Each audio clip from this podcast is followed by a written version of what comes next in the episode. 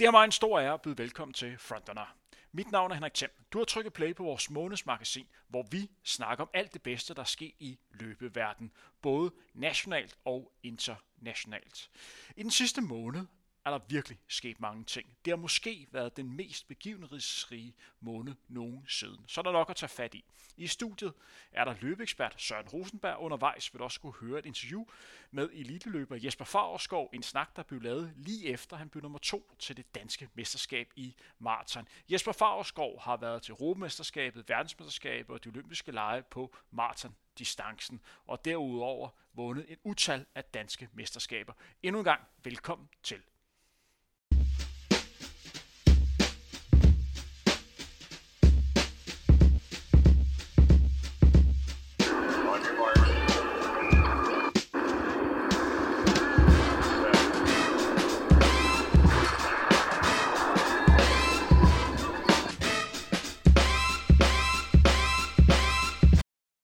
Har jo været en måned, hvor der er sket øh, ting og sager, det må man sige. Og vores øh, fælles fodboldhold, FCK, de har præsteret kun at vinde én kamp hele den her måned her. Men øh, når du sådan tænker tilbage på den sidste, øh, sidste måned, og sådan har løbebrillerne på, hvad for en begivenhed har sådan, øh, gjort mest indtryk på dig? Øhm, og begivenhed, jeg vil sige, at øh, Bashir Abdis øh, tid i Rotterdam her forleden, det var nok den præstation, som har gjort mest indtryk på mig. Før vi går i gang med, med dagens udsendelse, så vil jeg lige lave en sådan lille overflyvning på, hvad der er sket af resultater af den sidste måneds tid. Vi kommer ikke til at gå i dybden med det hele, men kort lige nævne, hvem der har vundet de, de forskellige løb, og hvad der også er sket på, på hjemlig grund. Dem af jer, der har hørt sport på træerne tidligere, vil I genkende til, at det bliver lidt mere sådan resultatorienteret. Men så får I i hvert fald indblik af, hvad der er sket den sidste måned. Og igen understrege, at det kan være, at der er en enkelt ting eller to, vi har glemt. Men hvis vi skal have fokus på nok den helt store historie, så er det, at for ikke mange dage siden blev der sat verdenskort på kvindernes halvmarathon, hvor etiopiske Gidai satte ny verdenskort på kvindernes halvmarathon med tiden 62 minutter og 52 sekunder. Og det var ved halvmarathonløb i Valencia. Mændenes løb blev vundet af Kipchumba, der satte ny personrekord og løb på tiden 58 minutter og 7 sekunder. Samme dag var der Rotterdam Marathon, hvor Belgien, bronzevinderen for OL på maraton, Bashir Abdi, han vandt i tiden 2 timer, 3 minutter og 36 sekunder. Udover at være ny personrekord for Abdi, så er der også en ny i Europa-rekord, og han går ind som den 14. bedste igennem tiderne. Så hvis vi spoler lidt tilbage, så den, den første store medie, vi havde, det var Berlin Marathon, og der vandt etiopiske Adola i tiden 2 timer, 5 minutter og 45 sekunder. Det er faktisk den langsomste vindertid, vi har haft i Berlin Marathon siden 2009. Det løb vi vil komme ind på senere, for vi har også lidt fokus på, hvordan det gik Kenese eh, Bekele. Adola også kendt for at blive nummer to ved selv samme løb tilbage i 2017, hvor han lå og kæmpede med Kipchoge indtil ja, 6-37 km, hvor ja, Kipchoge... det er nærmest senere, det var omkring senere, 40 jo. Omkring 40, hvor Kipchoge løb fra. Og det var Adolas debut, som i mange år var en af de bedste debuttider på, øh, på maraton. Ellers har der været London Marathon, der vandt Lemma, også for Etiopien i tiden 2 timer, 4 minutter og 1 sekund. Og så har vi haft Chicago Marathon, hvor Ture for Etiopien vandt i tiden 2 timer, uh, 6 minutter, og hvad var det? Jeg har skrevet 31 sekunder. Og så har vi så, så Boston, hvor Kibruto fra Kenya vandt i 2.09, 51. Og så har vi haft Paris Marathon, hvor Rochik fra Kenya øh, vandt i ny løbsrekord, 2 timer, 4 minutter og 21 sekunder. Samme weekend, eller samme dag, havde vi også Amsterdam Marathon, hvor Tola øh, fra Etiopien vandt i ny løbsrekord, 2 timer, 3 minutter og 39 sekunder. Hvis vi kigger på den danske øh, scene, så har Tejs blandt andet vundet et 25 km løb i Berlin, et løb, der ikke har fået den store omtale, men han vandt øh, i tiden 1 time og 17 minutter. En af de bedste noteringer, som er lavet af en dansk løber på den lidt usædvanlige distance, 25 km. Men en flot tid af, af Thijs. Ja, jeg vil sige, at det, det er en distance, vi her hjemme nok mest kender for, for Spartas testløb øh, i foråret. Øh, jeg har, kender faktisk ikke andre 25 km løb herhjemme. Øh, så det er en lidt usædvanlig distance. Men de distance, som bliver løbet i udlandet øh, en gang imellem. Men... Ja, jeg, jeg ved, de har den som mesterskaber i USA. Altså, der, der er der distilleret øh, øh, ja, øh, championship øh, på 25 km. Men der fik Thijs altså en flot sejr efter, en, øh, efter nogle uger, hvor man godt kunne mærke på, om han har brug for lidt oprejsning. Øh, Thijs havde måske ikke det danske mesterskab på halvmarathon, som han havde øh, håbet på. Så har vi også haft imitageløbet, hvor øh, Jakob Dybdal vandt for herrene og, og fulgte dermed i fodspor for sin mor, Lone Dybdal, der vandt selv samme løb tilbage i 1982. Jakob vandt en tid lige over 40 minutter, hvor Omar Hassan blev nummer to, ikke mange sekunder efter. Kvindernes løb blev vundet af Silvia, og nummer to blev altså denne nye unge løbekomet Astrid My Rønne. Og så har vi også haft Anders Lommer, som har løbet 2.17 på maraton i, øh, i Amsterdam. Så har vi haft Sar Skov, som har løbet 1.14 på, øh, på halvmarathon i Barcelona. Ganske flot tid af, af, af Sara. Camilla Wallin, som fik bronze til DM på halvmarathon, har løbet maraton i Paris, løb 2 timer 44 minutter. Vi har også haft det danske mesterskab på maraton. Det havde vi i forbindelse med H.C. Andersen Marathon. Og der vandt Martin Egebjerg i tiden 2 timer, 22 minutter og 57. Vi fik Jesper Favreskov på en anden plads, 2 timer 23 minutter og 36 sekunder. Mens for kvinderne fik vi Lene Broberg ind som dansk mester i 2.56.05. Det var ikke et navn, jeg kendte, desværre. Øh, det var et navn, som jeg lærte at kende dagen før. for jeg skulle være speaker på, på selve løbet. Så var jeg til lige at, at læse lidt op. Ja, det ved jeg. Jeg så dig derovre, Henrik. Men efter et DM i 2019, hvor vi ikke fik en dansk mester for kvinder under tre timer, så var det godt, at vi trods alt kom under den her øh, magiske grænse. Så har vi også haft vinterturneringen. Første runde i denne legendariske øh, turnering, man har over vinteren herhjemme. Det blev afviklet i Odense, i, øh, i, øh, i den der park, hvor der normalt plejer at være festival Tinderbox.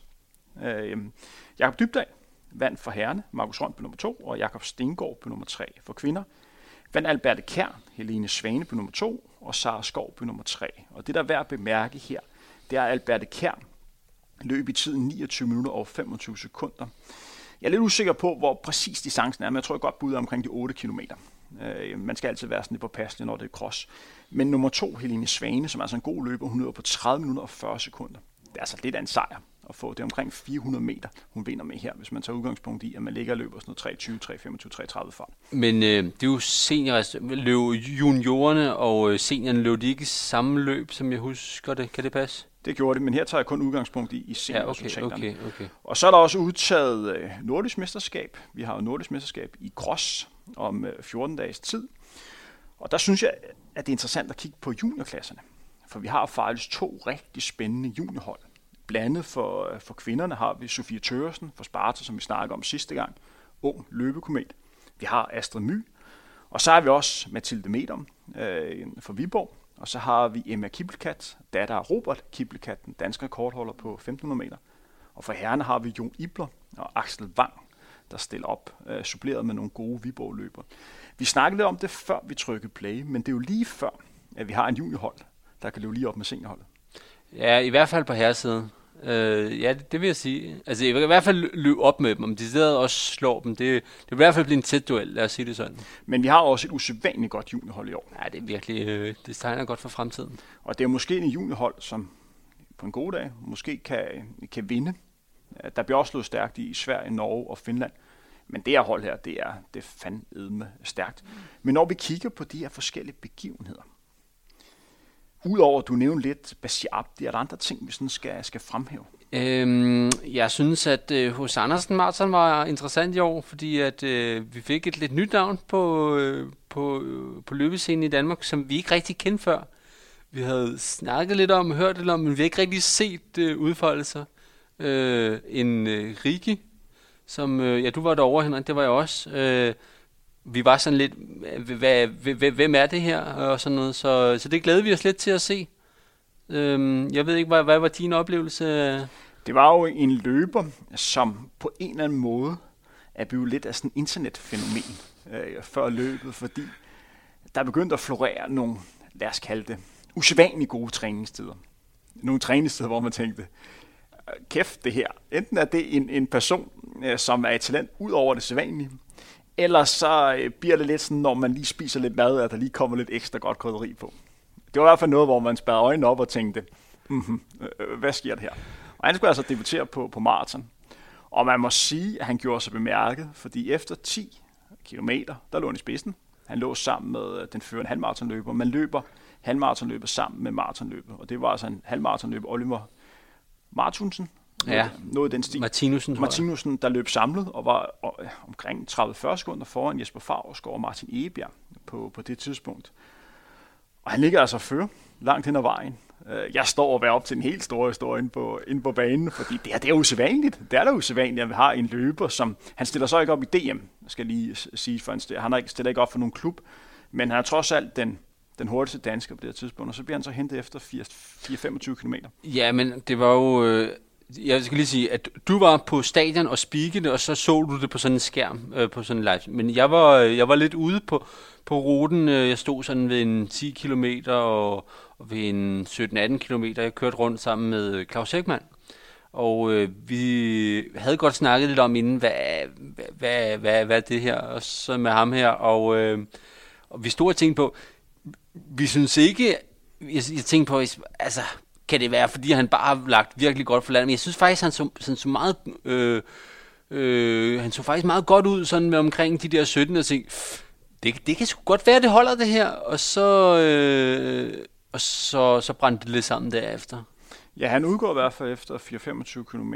Ud fra hans Instagram-opdatering efterfølgende, der virker det som, at han har problemer med, med væsken og fik problemer med, med maven. Øh, men har du, har du hørt frem her for den sidste måned? Ved du, hvad, hvad status er?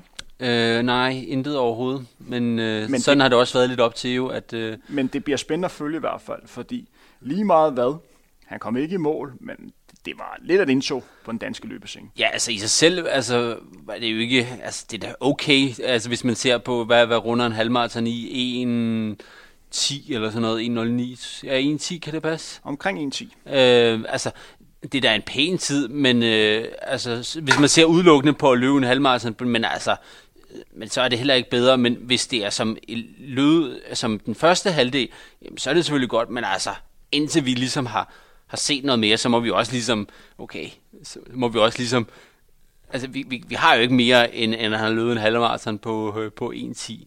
Så, men altså, det er spændende navn, som jeg tænker, vi vil holde øje med i fremtiden. Det er fedt med lidt ekstra koderi. Og i den forbindelse kan jeg nævne, at vi her har en lille snak med Jesper Favrskov, som var med i løbet, som også sætter lidt ord på, hvordan det var at have en lidt ukendt løber med op i, i front. Han ender jo som bekendt på andenpladsen øh, i tiden 2 timer, 23 minutter og 36 sekunder. Jesper Favrskov er en af de mest rutinerede løbere, vi har hjemme. Jeg har ligget og kæmpet med ham mange gange. Og i mange år var det sådan, at hvis du stillede op til DM, så var der to medaljer i spil, fordi Jesper han tog den ene. Ja. Her kan I høre, hvad, hvad Jesper øh, synes om løbet. Du blev nummer to til DM på maraton i 2.23, omkring 30 sekunder efter vinder Martin Egebjerg. Nu er der gået tre døgn. Når du tænker tilbage på løbet, er du så ærgerlig over, at du mistede guldet, eller er du tilfreds med sølvmedaljen? Ja, det er egentlig et godt spørgsmål, fordi normalt skal man jo aldrig være tilfreds med, sit, med, med, med sølv, og man skal altid gå efter guld. Men alt til betragtning er jeg egentlig ganske tilfreds, øh, tilfreds med, med, med udkommet. Øh, I og med, at jeg øh, på dagen følte, øh, ja, både hele ugen op til DM i maraton, men også på dagen følte, at jeg var ret træt og slidt. Og jeg kan godt mærke, at øh, min restitution i takt med alderen øh, er, er blevet noget, øh, er blevet noget dårlig. Så ja, det tager længere tid for mig at komme. Så sådan en, en hård halvmarathon til DM i København, ugen inden DM på maraton, det er ikke den bedste kombination. Og, og det var egentlig derfor, at jeg egentlig i 11. time, øh, det var en halv time før, at, at DM, tilmeldingen øh, tilmelding til DM lukkede, jeg tilmeldte mig. Så, øh, men jeg, jeg manglede et eller andet sted et, et langt løb, at vi lige holde min, øh, min deltagelse på en maratondistance. Jeg siger med, at, at der kommer nogle spændende udfordringer næste år, som jeg gerne vil være klar til. Så det var, det var heller ikke, fordi jeg specifikt har trænet til at løbe DM, så jeg er egentlig ganske tilfreds at kunne løbe en, en ganske stabil og hederlig tid med, med den træning, jeg nu var i. Jesper, når du, når du lægger sådan en, når du lægger sådan en savebold op til mig, så bliver du nødt til at køre videre på det. Hvad er det for nogle udfordringer, der er der næste år? Ja, øh, det er, at, øh, at der kommer et VM på 50 km. Det skulle egentlig være en afholdt i år, og øh, det blev så aflyst af grund af corona. Det kan godt være, at vi i Danmark har, er godt med i forhold til vaccinationsprogrammet, øh, og vi derved kan begynde at afholde store løb, men, men det er en anden situation i, øh, i udlandet, og øh, VM på 50 km skulle afholde i Taiwan, som er nærmest hermetisk lukket for, for udefra kommende. Så det, det, var, det var ærgerligt, og det var den, det var den, øh, det var den sammenhæng, at jeg manglede et eller andet sted et langt løb i, i år, og så faldt valget på, på DM, i og med, at, at det er DM, men også, at det jo egentlig ud fra en familiær sammenhæng er nemt at komme til, og, og nemt at komme hjem igen. Du har jo løbet den 50 km før, og har den, den danske rekord. Øh, tillykke med det. Hvordan adskiller den sig i forhold til et maraton? Hvor meget betyder de ekstra 8 km? Jamen det er et godt spørgsmål, fordi jeg tror ikke, jeg har løbet mig ud på en, en 50 km endnu. Og øh, på, øh, da jeg, den blev afholdt, det var ikke et, et, et, øh, med et begrænset felt, og det var, en, det var i øh, december måned, øh, hvor værligt måske heller ikke var så optimalt. Men, men målet var simpelthen bare at, at, at prøve distancen, i og med at, at, øh, at jeg godt kan lide at prøve mig af på noget nyt, og dermed også måske begynde at prøve lidt af på ultradistancerne. Så en 50 km var jo, øh, var jo en anelse mere end det, jeg egentlig har, været, har prøvet før og vant til. Men der er, der er nogle andre forskelle. Det er, at øh, jeg fik selvfølgelig gode råd op til, det er, at at de sidste 8 km øh, kan være grusomme, hvis man ikke øh, disponerer korrekt eller tager hensyn til distancen. Så man skal ikke bare tro, at det er en maratonløb plus 8 km. Øh, det er hårdt som sådan. Så derfor skal man måske være lidt mere påpasselig med udlæg, og måske føle, at man, man, er, man har et overskud langt ude. Det nytter ikke noget at gå for hårdt ud. Det kan man nok heller ikke på maraton, men, men man skal i hvert fald være meget, meget, meget påpasselig og måske gå efter en, en, en plan, og hvis man har mere i sig, så er det bedre at gemme dem til øh, slutningen af løbet, end at brænde af midtvejs, fordi så er der stadigvæk lang vej hjem på 50 km. Jesper, lad os gå tilbage til, til løbet, som var i, i søndags. En ting, som vi skal have fokus på, det er sult øh, og motivation vi to har jo løbet sammen i, i mange år, og du bliver bare ved og ved og ved. Hvordan finder du motivation og overskud? Hvordan kan du blive ved med at få den der ild, som man har behov for, for at kunne præstere? Ja, jamen, øh, det ene ting det er jo, at det, det sociale aspekt, komme ud og, og mødes med andre og, og være en del af miljøet, og øh, som også giver en masse. Så er det jo også det, selv det, at, at øh, og det kræver måske også, at man har prøvet det af. Øh, det her med at presse sin krop og, og mærke det der med, at man er i god form, det kan ikke sammenlignes, sammenlignes med meget andet. Men, øh, men det er bare en stærkt tilfredsstillende følelse, når man er, er i god form. Og, øh, og så samtidig også måske det der med, at jeg er i en, en fase, hvor jeg kan mærke, at jeg bliver nødt til at, at, at uh, træne på, an, på en anden måde. Øh, og så se på, hvad det resulterer i. Så det er lige så meget interessant i at, se, hvad, hvad vil en ny og anden, anden måde at gå til træning på øh, give af resultat. Og det er, øh, og for at fastholde den, den, øh, den snak, det er, at, at jeg har erfaret på min krop, at, at, øh, at tærskeltræning eller VO2max-træning, man udfører på banen, er meget slidsomt. Og jeg restituerer langsommere nu, og jeg synes, at det, jeg får ikke det samme udbytte af det længere.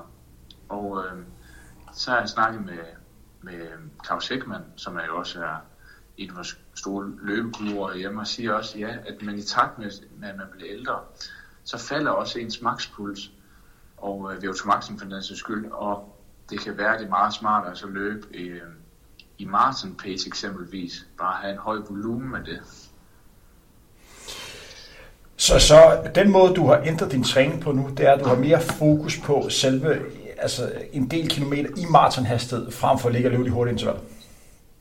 Ja, øh, det er rigtigt. Og, og det responderer du godt på?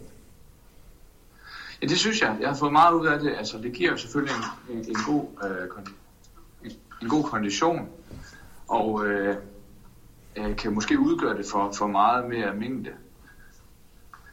Ja, yes. man, laver, man laver en del træning i øh, deres svar til maraton pace.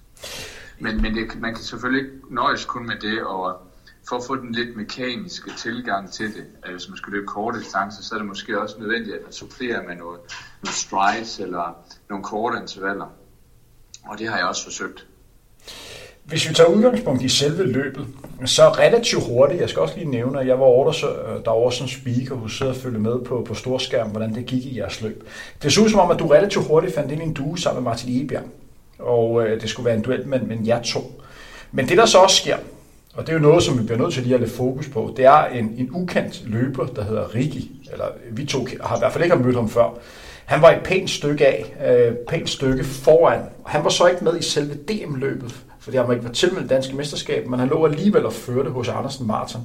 Hvordan var det, og hvordan påvirker det selve løbet, at der var en anden dansker, der lå ja, en halvanden minut foran faktisk på et tidspunkt?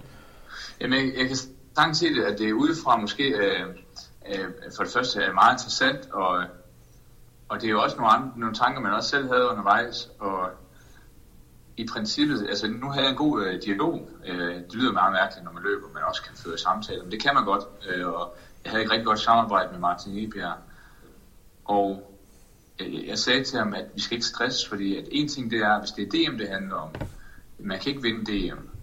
Så, så, så den, den er udelukket. Men det kunne også være et andet aspekt, det er, at, at, øh, at, at, at med den, den, den tilgang, at Rikki så havde til løbet, at det måske ikke var smart på dagen.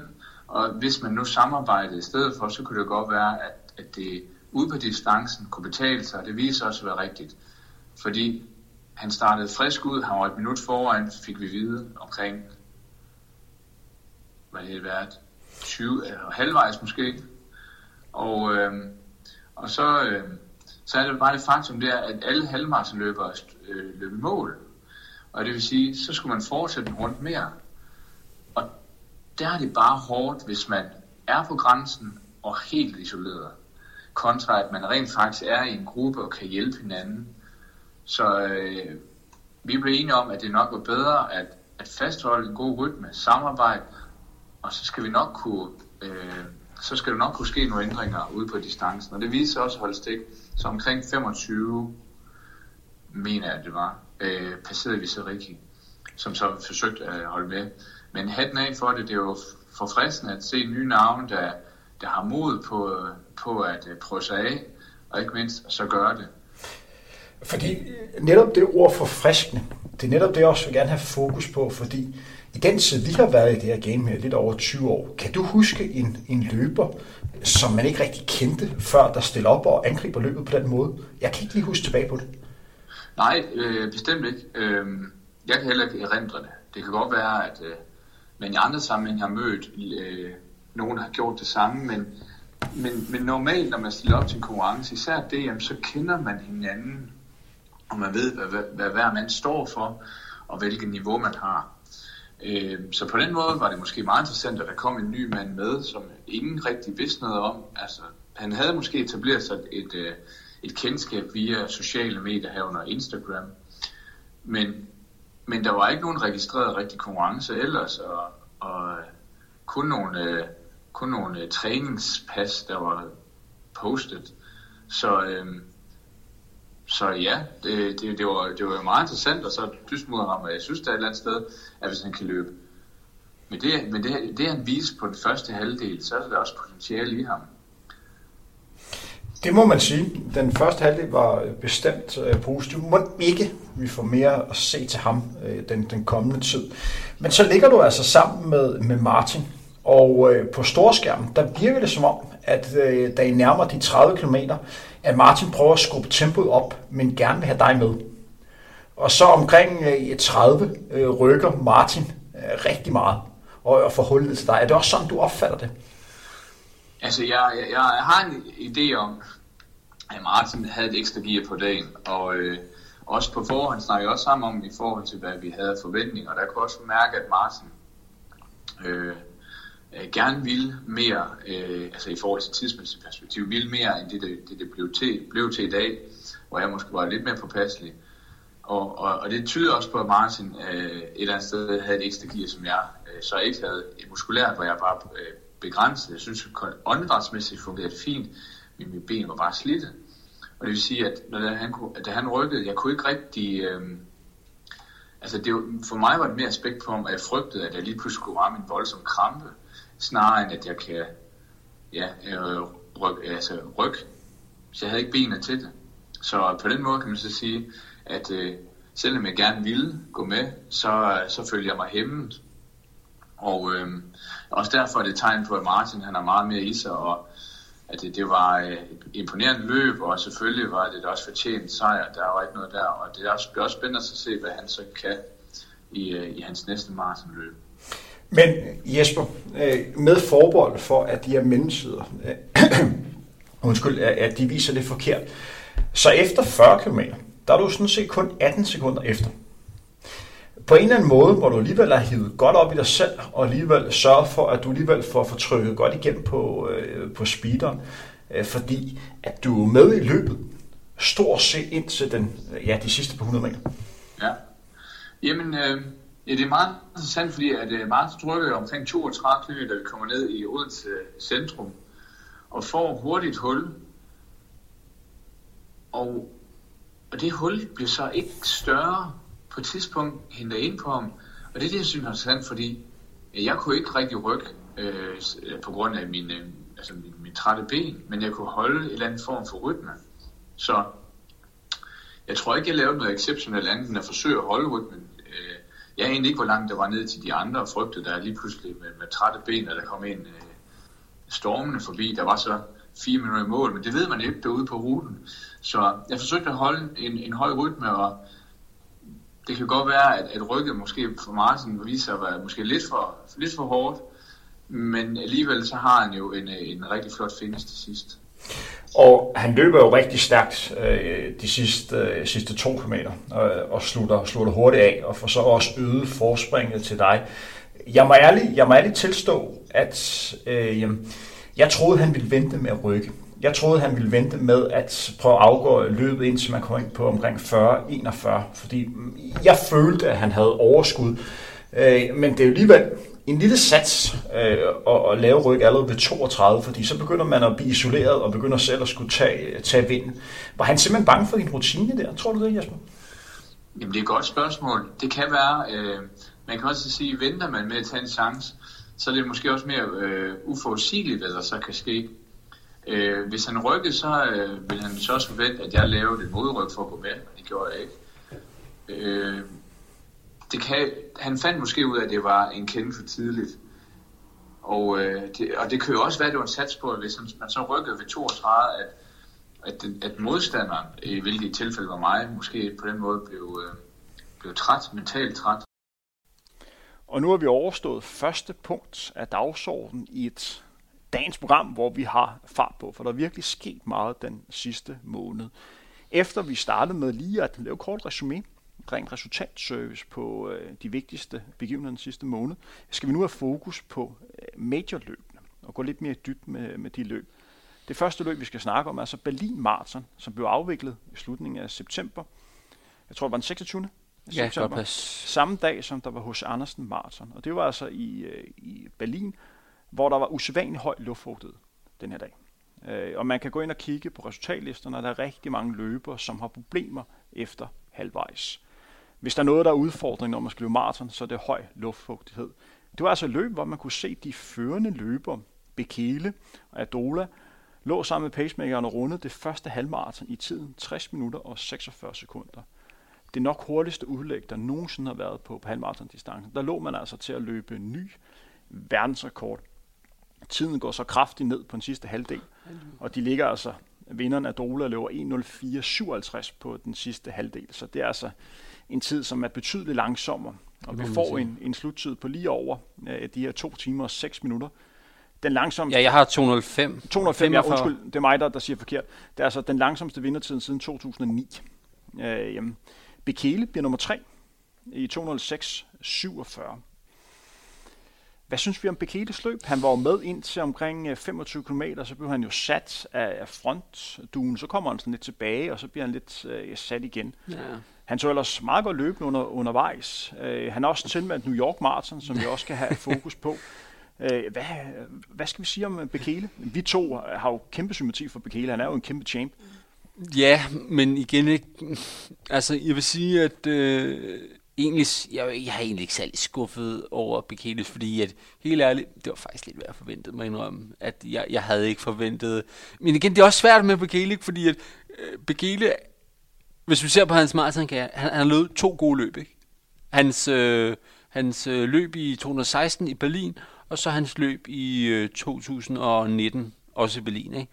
Og derimellem så har han stillet op i, hvad er det, 6-7 maratonløb, og så, ej, det har sgu været noget. Altså, enten så er han blevet sådan 3-4, og i bedste fald, eller også så er han udgået. Øh, så jeg må indrømme, jeg havde altså ikke særlig store forventninger til Bekele øh, med det her løb der. Øh, jeg, jeg ved godt, at nogen havde snakket om, at, øh, at øh, hans manager blandt andet, at han var i god form, men altså...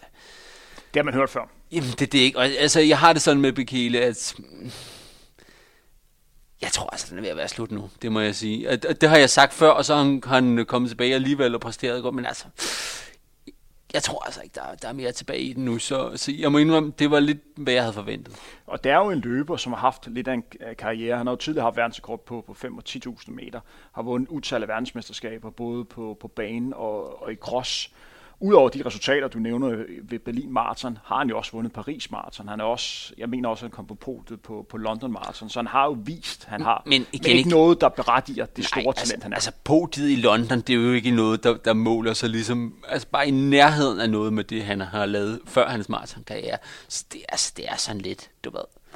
Og så er der også en, øh, en løber, som en af de, han er jo en af de største stjerner, øh, vi har på, på løbescenen, og sidste gang vi så ham før det her løb, var jo ved London, øh, London Halvmarathon i starten af 2020, og så kom corona, og så har vi sådan set ikke set ham øh, i siden. Han var en af hovednavnene ved øh, det opstillede London Marathon, der skulle være i oktober 2020, øh, der blev afviklet der var Hyde Park, der hvor Kipchoge han fik ondt i ørerne øh, og sluttede som nummer 8. Der trak han sig et par dage før, og der er man ellers bygget historien op på, at man skulle have den her store duel mellem øh, Kipchoge og, øh, og Bekele. Og, og ja, du nævnte før, at det er lidt den samme sang, man hører hver eneste gang. Han skal løbe maraton, han er bedre end nogensinde før og super motiveret, og nu går han ud og sætter en, øh, en super tid. Man håber det, fordi man på en eller anden måde er han lidt mere menneskelig end, øh, end mange andre øh, af de her maratonløbere, især kontrasten i forhold til Kipchoge, der virker sådan lidt robotagtig. Jeg har stor sympati for Kipchoge, men nogle gange virker han nærmest sådan overmenneskelig i de ting, han, han, han gør. Ja, det vil jeg give dig ret i. Men det bliver spændende at se, hvad der kommer til at, øh, at ske med Bekele i første omgang, om han stiller op til New York Marathon, og hvordan det sådan kommer til at forløbe. Vi kommer ind til New York Marathon øh, senere hen, hvor vi skal kigge lidt frem på det løb. Men jeg, jeg, jeg vil lige sige, at øh, nu har vi vendt nummer et af Dola og nummer tre Bekele, men det, jeg, synes, jeg synes, det var lidt sjovt med ham her nummer to, øh, Bethwell Jaeger, jeg er ikke så skarp på kenyansk udtale, men det er lidt sjovt, fordi at, øh, han lå overhovedet ikke med frontgruppen. Altså han, han, øh, han er halvandet minut efter ved halvvejs. Men det er også et hjernedødt udlæg, de har den første det, det, men, det, men det er lidt sjovt, at, du ved, at det, det er sjældent, man, man, man ser, at der er en, der kommer sådan bagfra, og så henter halvandet minut på, øh, på, for, på frontgruppen. Øh, og, og det sker jo kun af en årsag, at det er, de ligger for hurtigt ud. Ja, ja, og, og så øh. brænder det alle, alle de forreste fuldstændig sammen. Øh, fordi det, der skiller sig lidt ud i det her løb i forhold til, da Bekele løb stærkt tilbage i 2019, og da Kipchoge satte verdenskort i 2018, det er ved de to lejligheder, der løb de med negativ split. Øh, der løb de betydeligt hurtigere den sidste halvdel, de gjorde på den første. Her ligger de altså, jeg tror det er 30-40 sekunder, måske endda også mere, hurtigere ud, end man havde ved, ved de to lejligheder. Og ham her løberen, som du refererer til, han har simpelthen bare luret det kommer ikke til at, spille i dag. Øh, der er høj luftfugtighed, jeg er nødt til at passe lidt på mig selv, fordi de her løber betaler bare en, en kæmpe regning. Og man kan også se det på, Thijs var der nede og var har for en løber, der hedder mm. Philip Flieger for Tyskland, som jeg også kender har ligget og konkurreret imod. Han går også ud og vil gerne løbe sin tid omkring 2.10-2.11. Han kokser også fuldstændig på sidste halvdel og kommer ind i sådan noget. Jeg tror, det var 2.15. Øh, så, så den er hård. Vi skal også lige nævne, at vi fik en, en vindertid for kvinder. Øh, Gebre Selassie, skønt navn, vandt i sin debuttid 2 timer og 20 minutter. Skal vi gå videre til London Marathon? Ja, fordi at, jeg må indrømme, at også, det var også lidt det, vi snakkede om i sidste udsendelse, at, øh, at i og med, at der er så mange løb her i efteråret, så bliver navnene spredt rigtig meget ud. Så der, der bliver altså en del navne, eller så der har været en del navne til de her løb, som man ikke kender det store til. Men det man i hvert fald kunne konkludere, efter Berlin Marathon, det var, at efter Etiopien havde skuffet ved OL på maraton, for der, der var de decideret fraværende, så meldte de altså tilbage med, at den første major var altså sejr til Etiopien, fordi man skal hele tiden huske, når man har de her langt, øh, de længere løb, der er den her rivalisering mellem Etiopien og Kenya. Og Etiopien har virkelig haft noget på spil, fordi de har ikke kørt, som man havde håbet på. De har haft store forventninger til, til OL på maraton, men det var decideret ringe. Og nu vinder de altså den, den første store major. Ugen efter skulle vi altså have London Marathon, som på papiret var det løb, hvor man kunne tillade sig at have de største forventninger, sådan rent tidsmæssigt. Fordi du havde et usædvanligt godt kvindefelt med. Der var mange af de bedste kvinder igennem, øh, igennem tiderne. Blandt andet kvinden med verdensrekorden Koskaj, der er altså løbet 2.14, jeg tror det er 04, hun løb, som løb ved Chicago Marathon tilbage i 2019.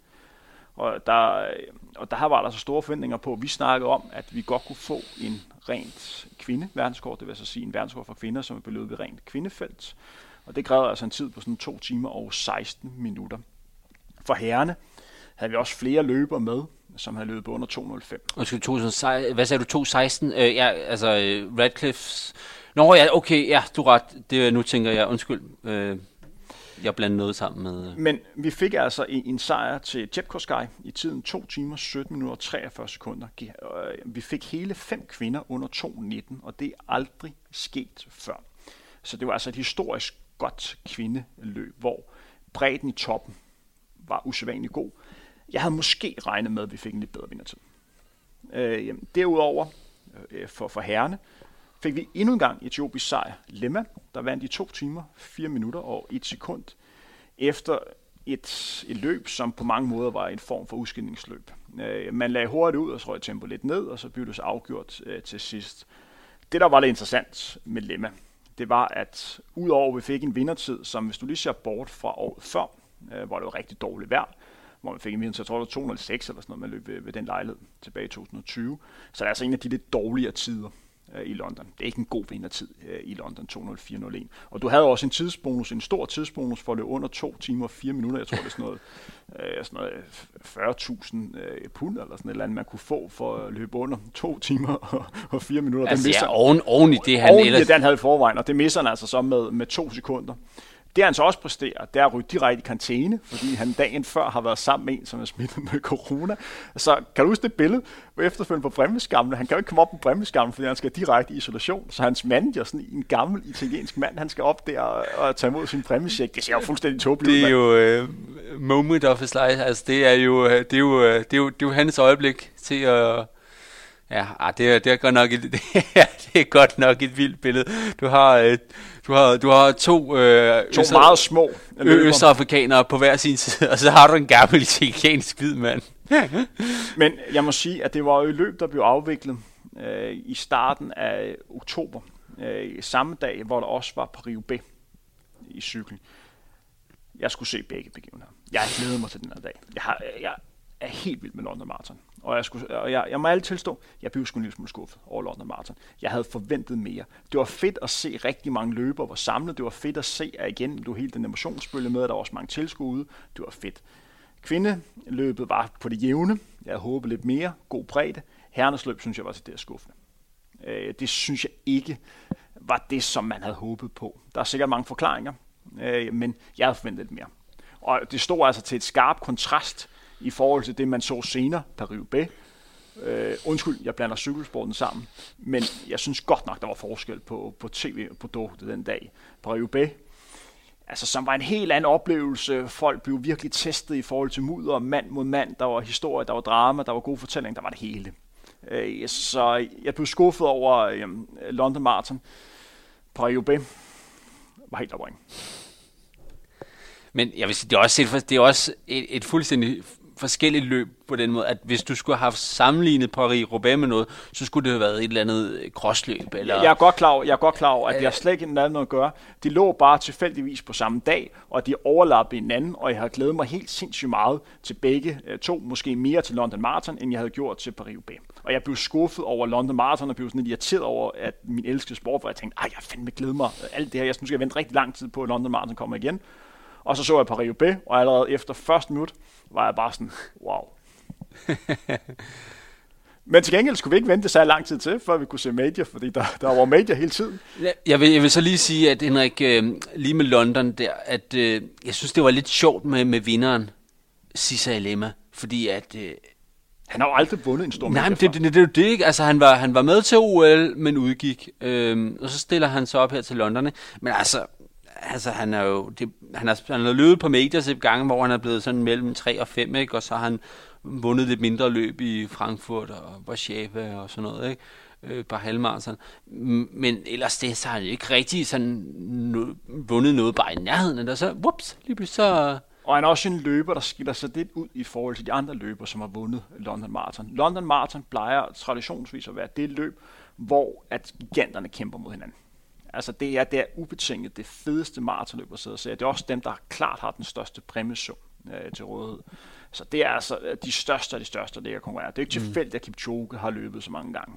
Det er ikke tilfældigt, at Bekele hver eneste gang, han bare kan være nogenlunde form, gerne vil løbe London. Jamen altså spørg en hvilken som helst maratonløber øh, på, ja, altså på hvilket niveau. Hvilket løb vil du helst vinde? Altså hvilken major vil du helst vinde? Alle vil sige London. Og jeg vil sige, at jeg var selv med i 2012. Det var ikke det løb, hvor jeg havde mit øh, livs bedste løb, men det var en kæmpe oplevelse at være med. Kæft, der stemning derovre. Er du sunshine, mand. Altså, øh, så, så på den måde har det bare en historie, og jeg vil endnu gang understrege, at vi har haft en dansk vinder derovre. Henrik Jørgensen, øh, tilbage i, øh, i 87, hvor han 88. 88, ja. Kæft en sejr. Det, det, er godt nok, øh, det er godt nok vildt, ja. Og så, også dengang, ja, det var ikke, okay, det, jeg vil sige, det havde været vildere i dag, hvis at det en dansk løber ville vinde, end det var dengang. Men det var også dengang top of the pop. Ja, det må man sige. Det var en sejr ud over det sædvanlige, fordi de bedste maratonløber løb også London Marathon på, på, på det tidspunkt. Men lad os gå videre til Chicago Marathon, hvor vi altså igen fik etiopisk sejr.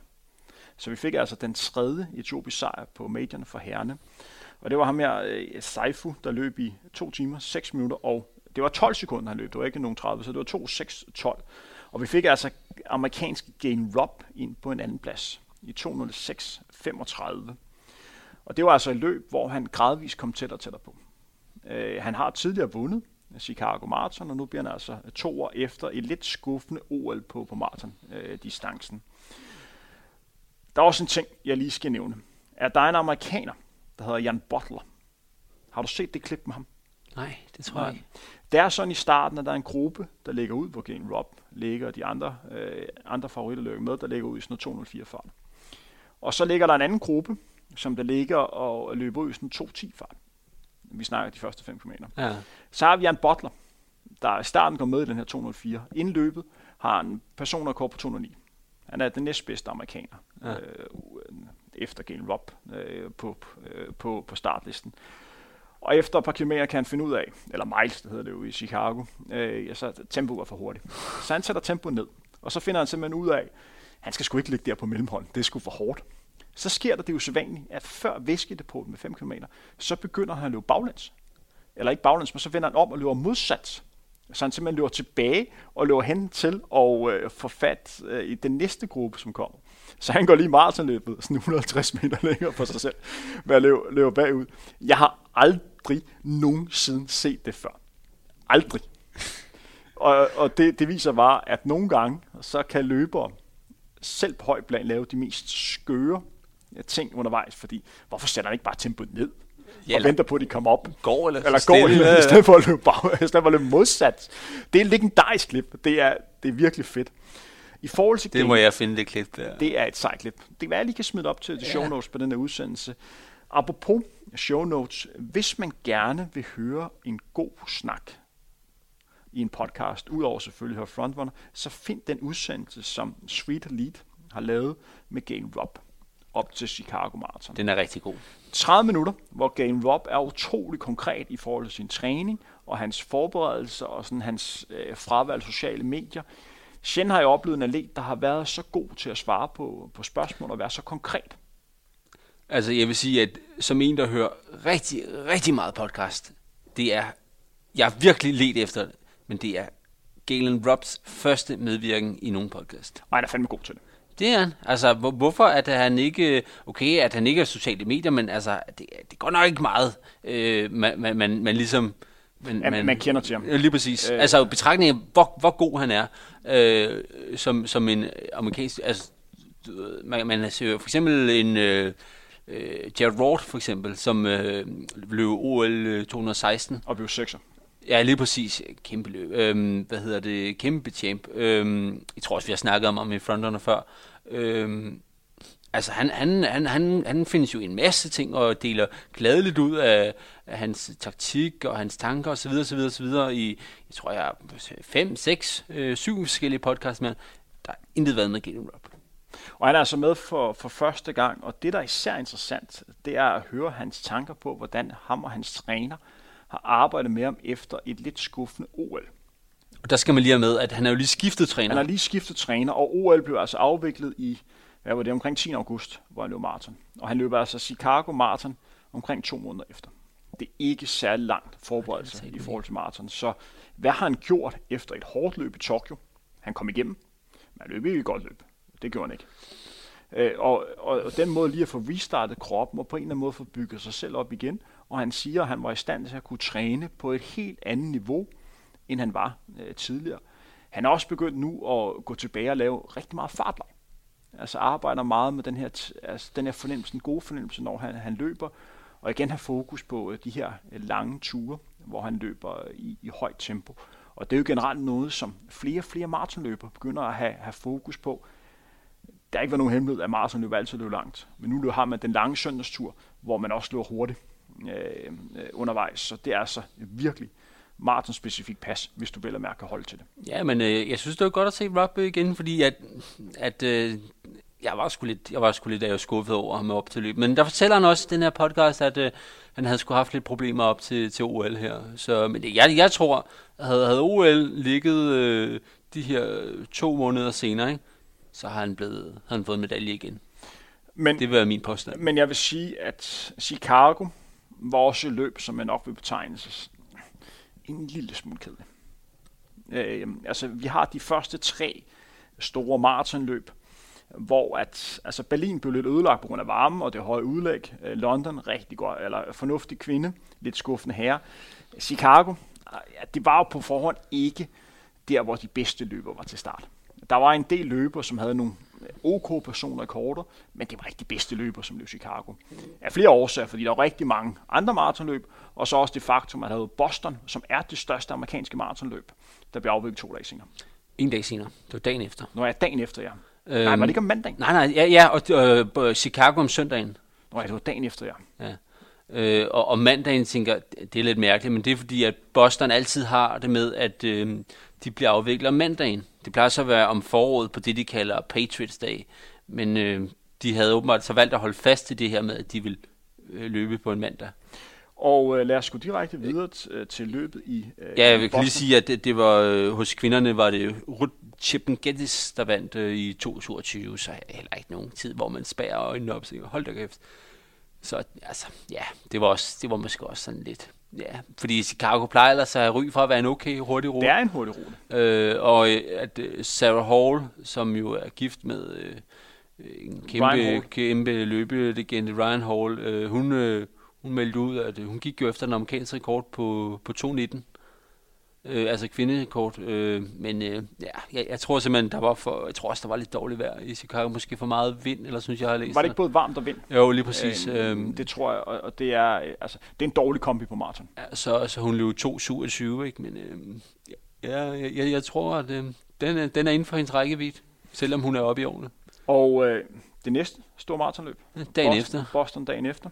Øh, det var et løb, hvor der blev løbet taktisk. Altså, det er jo lidt specielt løb, fordi at, øh, at du løber meget op og ned. Ja, altså man kan sige med, med Boston, i modsætning til nærmest, ja, for det første i modsætning til alle majors, men også bare i modsætning til nærmest alle andre løb, så er det, øh, det slutter og starter ikke samme sted. Ikke engang i nærheden. Det er sådan på løbet på nærmest en lang linje. Starter sådan i en forstad uden for, øh, for Boston. Øh, Hopkinton, tror jeg den hedder. Øh, og så, så løber man simpelthen bare ind til Boston, øh, fordi at Boston, man skal lige med, Boston er jo et meget historisk maraton. Øh, det er et vigtigt løb for mig. Altså, efter, jeg tror, det er det ældste maratonløb i verden, altså som stadig findes. Øh, og som bliver løbet på den samme rute. Og man skal ikke tage fejl af, at det her løb, det betyder rigtig meget for amerikanerne. Ja, absolut, absolut. Øh, hvor for europæer, hvis man skal nok sige det største øh, løb i USA, vil man nok sige New York. Men jeg er faktisk lidt i tvivl i USA. Jeg, altså, hånd på hjerte, min egen person vil jeg næsten tro, at Boston er større for dem i New York. Mm, ja, måske. Øh, ja, det, jeg tror også kommer lidt ind på, hvem man spørger og sådan noget. Ikke? Og hvis at det er en, der er født og opvokset i området, som hedder Chalain Flanagan, som jeg også tænker, vi kommer tilbage til, øh, så, så er Boston nok større, men for en øh, i New Yorker, så, så vil New York typisk være større. Ikke? Men altså, jeg, jeg, jeg, jeg vil sige, så mange amerikanere kender jeg, øh, så jeg ved ikke lige, hvad der er størst. De, og du nævner jo selv, at øh, Boston er jo et løb med stor historie, og hvis vi bare tager den nyere historie, så er det et løb, som, hvor der virkelig er sket meget. Det må man sige. I 2010 øh, var det et løb, hvor at alle europæere øh, blev forhindret i at komme derover, fordi flytrafikken var lukket ned på grund af den askesky for, for Island. Så året efter var et løb, hvor der var massiv medvind øh, de sidste 10-15 km, hvor du faktisk fik nogle, nogle tider, som på, på det tidspunkt var meget usædvanligt. Du fik en vindertid på uh, lige omkring to timer og tre minutter, som ja, var klar lige over uofficiel. to sekunder over, tror jeg. En klar uofficiel uh, verdensrekord. Det kan ikke godkendes som verdensrekord, fordi der ikke er start og mål nogenlunde samme sted. Nej, det vil sige, jeg tror, at reglen er, at der skal være start og mål. Eller nej, mål må ikke være længere end 50% af løbsdistancen ja, fra starten af. Ja. Øh, plus, og der er også en anden regel, det er, at øh, Øh, løbet må ikke have et fald på mere end 1 meter per kilometer. Det vil sige, på en maraton vil det så være 42 meter, ikke? og jeg tror, at den falder 80-90 øh, meter i, i Boston. Og det var i løb, hvor der blev usædvanligt stærkt. Ja. På, øh, jeg mener, at det var Jeffrey uh, Mutai, uh, som vandt i lige over to timer og tre minutter. Og så skete der jo også... Så det, skete der terror. Uh, Nå, jamen, jeg tænker også på, på det løb, det var jo, at, uh, at vi har jo haft Hall. Uh, Ryan Hall jo, jo som den eneste hvide mand, eller som den eneste person født uden for, uh, for Østafrika, ej, måske der er en mar- marokkaner også, men i hvert fald den eneste person uden for Afrika, der har løbet under 205 indtil, indtil Sondermoen gjorde det. Nej, Sondermoen han løb 290, 45 eller sådan noget. Nå ja, det er rigtigt. Det er rigtigt, ja. Øhm, så, så Ryan Hall, han er stadigvæk den eneste, der har løbet under 205. Og en tid, som ikke, som ikke kan godkendes. Nej, nej, men, men, men, men stadigvæk, stadigvæk en usædvanlig god tid. Ja, jeg vil sige, det kan godt være, at der var en virkelig god medvind den dag i Boston, og sådan noget. Ja, der var også lidt et, et fald nedad, ikke? men altså, man skal altså ikke tage fejl af Boston. Det er altså en hård fordi det kan godt være, at den falder mere end den, den, den stiger, ikke? men der er altså nogle virkelig ledebakker på den rute der. Og så går vi altså til 2013, hvor Lisessa Di Sessa øh, vinder ham som vi også kender for, for Breaking 2-projektet. Øh, og det er altså også det år, hvor man har, har tager, øh, hvor jeg mener, det er omkring lidt over tre timer, hvor der, eller de løber, der løber lidt over tre timer, kommer mål, hvor der så tager i målområdet. En forfærdelig begivenhed. Fuldstændig frygtelig. Og så har der også haft et par år, hvor der har været sindssygt varmt. Altså, der var ekstrem hede i 2012, og der var ekstrem hede, jeg mener, nogle af de, de næste år. Og så havde man også, var det ikke også der, hvor MEP vandt? Vandt han ikke i 2014? Oh, det kan godt passe, jo. Ja, øh, Med hvor, ja, hvor amerikanerne mm. lå og arbejdede sammen, og hvor han øh, gik udbrud, og hvor nogle af de andre, andre amerikanere holdt tempoet nede, så han på den måde kunne, kunne ligge og, øh, og vinde. Rigtig fedt at se den lejlighed. Men Henrik, det løb de sidste 10 år, som jeg vil huske mest... 2018. Præcis. Kabuchi for, for, for Jamen. Øh, og det, vi snakker om det sidste gang. Eneste løber i en periode på næsten to år, der ikke var iført den her uh, Vaporfly-sko. Han vandt altså Boston Marathon uh, i, i 2018 efter et sindssygt løb, hvor forholdene var, var helt ekstreme. En, altså, hvis du mangler et forbillede inden for løb, så er det altså Kavuchi. Jeg kan fortælle, at min gode løbekammerat, Lars Bullolfsen, har jo snakket med ham. Han var, de har begge to løbet, eller New York Marathon Okay. Øh, det gjorde det i... Øh, øh, hvornår var det? Det har vel været i... Har det været i 2015 eller sådan noget, ja. eller den stil.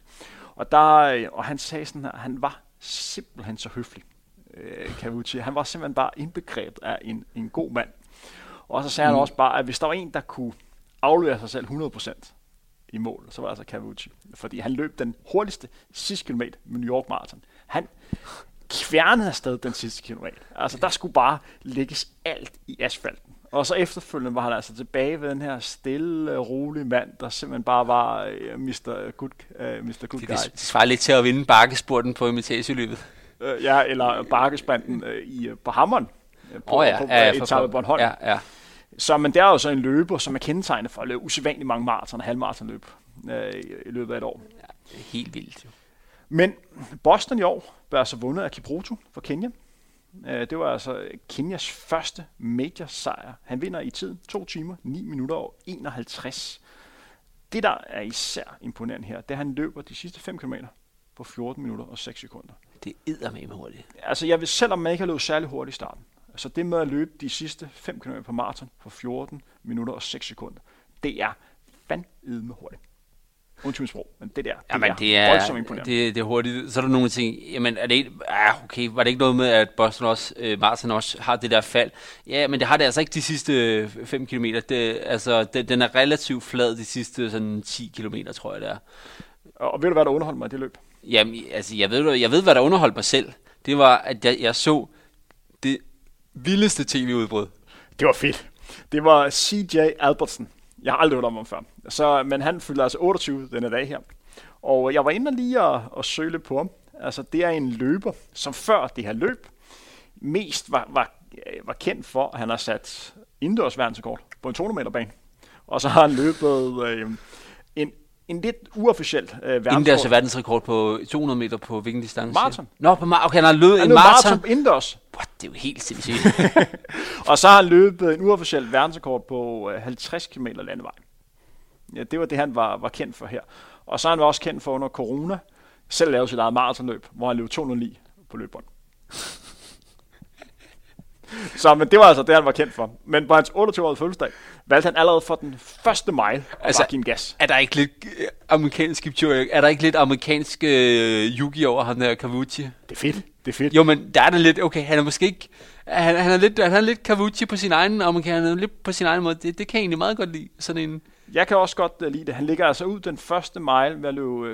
Altså, Altså- det siger måske folk ikke så meget, men vi er altså nede og snakke sådan en udlæg på 2.45. altså, altså de første 5 kilometer, ikke, der løber han 14, 29. Det, altså, øh, det pace, ikke, det svarer til 202. Det er vanvittigt. Og- 14, 29 på Og det han- første. Og han er altså han er langt foran. Han er, den første halvmarathon runder han i sådan 1.04.18, og han er altså 2 minutter og 13, sefo- altså, 13 sekunder foran alle andre. Kan du nogensinde huske en, en major, hvor, hvor der er nogen, der har været altså, så meget foran, altså så, altså, så endnu kan løber, hvor, hvor at, at, at, øh, eller lad os sige, at en, en ikke-amerikansk løber, hvor, at, øh, hvor de har haft så stort forspring. Nej, men det minder mig lidt om øh, hos Andersen Martin. Det minder mig lidt om Rigi. Ja, ja, men ja, okay, men øh, ja, ja, okay. Men ikke, øh, altså, der er selvfølgelig forskel på hos Andersen Marathon, og så på, øh, hvad kan man sige, øh, på, på- New York Marathon. Nej, ikke, ikke New York Marathon, men Boston Marathon. Men jeg, jeg, synes, jeg synes altså, at man skal gå ind og finde øh, nogle højdepunkter og skrive øh, Google Boston Marathon Highlights, fordi at man kan se allerede fra de første 10 meter, CJ, han skal bare afsted. Og der er altså allerede efter øh, 100 meter, så har han et forspring på jeg ved ikke, 5-6 øh, sekunder eller sådan noget. Ikke? Det er fra første meter, han, han, han, er, han er, løber det her alene. Og vi vil lige nævne, dem af jer, der sidder og hører med her, kan jeg garantere en gang, man lige hører sådan en, en, lille, en lille lyd i baggrunden. Det er så Søren, der i ren begejstring over de forskellige løbsresultater, kommer til at sidde og ramme bordet. Så vi undskylder på, på, på Sørens vej. Han slutter altså på en 10. plads.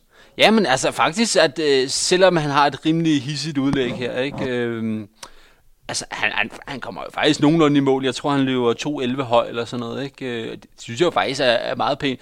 Og jeg, jeg sad lidt og- tænkte, øhm, da, da jeg sad og, øhm, og, og så det her løb, jeg, jeg tænker, at øh, han efter, efter 5 km her, hvor han løb 14.29, der har han jo lavet et forspring på en minut og sådan noget. Ikke? Jeg sad lidt og tænkte på, at... Øh, at man skal lige være med, at han bliver hentet faktisk ret sent i løbet. Er det ikke ved 334? Jo, det, det er sådan mellem 30 og 35, ikke? Øhm, man kan godt se, efter halvmarathon, der begynder hans, øh, Man hans på en forspring stil- også man kan også se skrumpe. Han begynder at falde en lille smule sammen. Ja, han nærmer sig sofaen. Ja, ja, fuldstændig. Øh, han, han rammer virkelig, altså han, han rammer simpelthen muren et eller andet sted, men altså, han får faktisk slippe sig okay i mål. Men det jeg faktisk sad og tænkte på efter løbet, det var, at jeg tænkte, altså, hvis du bare havde lagt en lille smule langsommere, måske et minut langsommere eller sådan noget på, på det første halvmarathon, eller, eller i hvert fald ikke løbe ud 14.29 på det første fem, bare, måske, altså bare løbe 15.0 eller sådan noget, hvilket også stadig havde været et kæmpe forspring. Altså ikke, han kunne have vundet, men jeg tror godt nok, han kunne have holdt meget længere, fordi at, øh, at så hissigt et forspring, ikke? det er altså noget, der bider ind i, i bagen til sidst. Ikke? Så bare en lille smule langsommere, så tror jeg altså, han kunne have haft... Øh, det jeg så har hørt hold. efterfølgende, for jeg har hørt et interview med ham, er, at han sagde, at det var sådan set ikke i mål for ham, at han skulle løbe så stærkt i starten, men fordi at man startede med at løbe nedad, og han ved, at han er god til at løbe nedad, han er god til at kunne slappe af, samtidig med at løbe nedad. Og det er noget af det sværeste, der mister inden for løb, det er at løbe stærkt nedad. Det handler virkelig om at på en eller anden måde læne sig for, og så bare give efter, og så bare, bare sige, jeg håber det bedste, jeg giver bare gas. Og, og der sagde han sådan, at han kunne godt fornemme, at det her var altså hans styrke, og så tænkte han, okay, jeg tager de sekunder, jeg kan, jeg kan få. Men en ting, man også skal være opmærksom på, det er, at selvom man slapper af, så er der altså også noget, der slider på kroppen og, og løbe nedad. Det går lidt i lovbasserne. Øh, så det kan sagtens øh, være det, som har, har kostet senere. Men hvis det ikke var for ham, og hvis det ikke var for den her sidste hurtige 5 km løb, øh, eller 5 km for vinderen, så har det været et relativt kedeligt Altså, ja, ja, men det er jo præcis det, ikke også? For jeg synes faktisk, at de majors, vi har haft, jeg synes Boston, det var faktisk det mest underholdende. Helt enig, helt enig. Jeg synes også, det var det, det fedeste. Det her var første del af vores månedlige nyhedsudsendelse. I næste episode kan du blandt andet høre en længere snak om en af de mest vanvittige verdensrekorder nogensinde i langdistanceløb, nemlig den nylig satte verdensrekord på kvindernes halvmarathon. Ligeledes er der også en længere optag til New York Marathon, der bliver løbet i næste weekend. Her har vi blandt andet danske Thijs Neuhaus til start. Udsendelsen er ude i starten af november. Vi høres ved.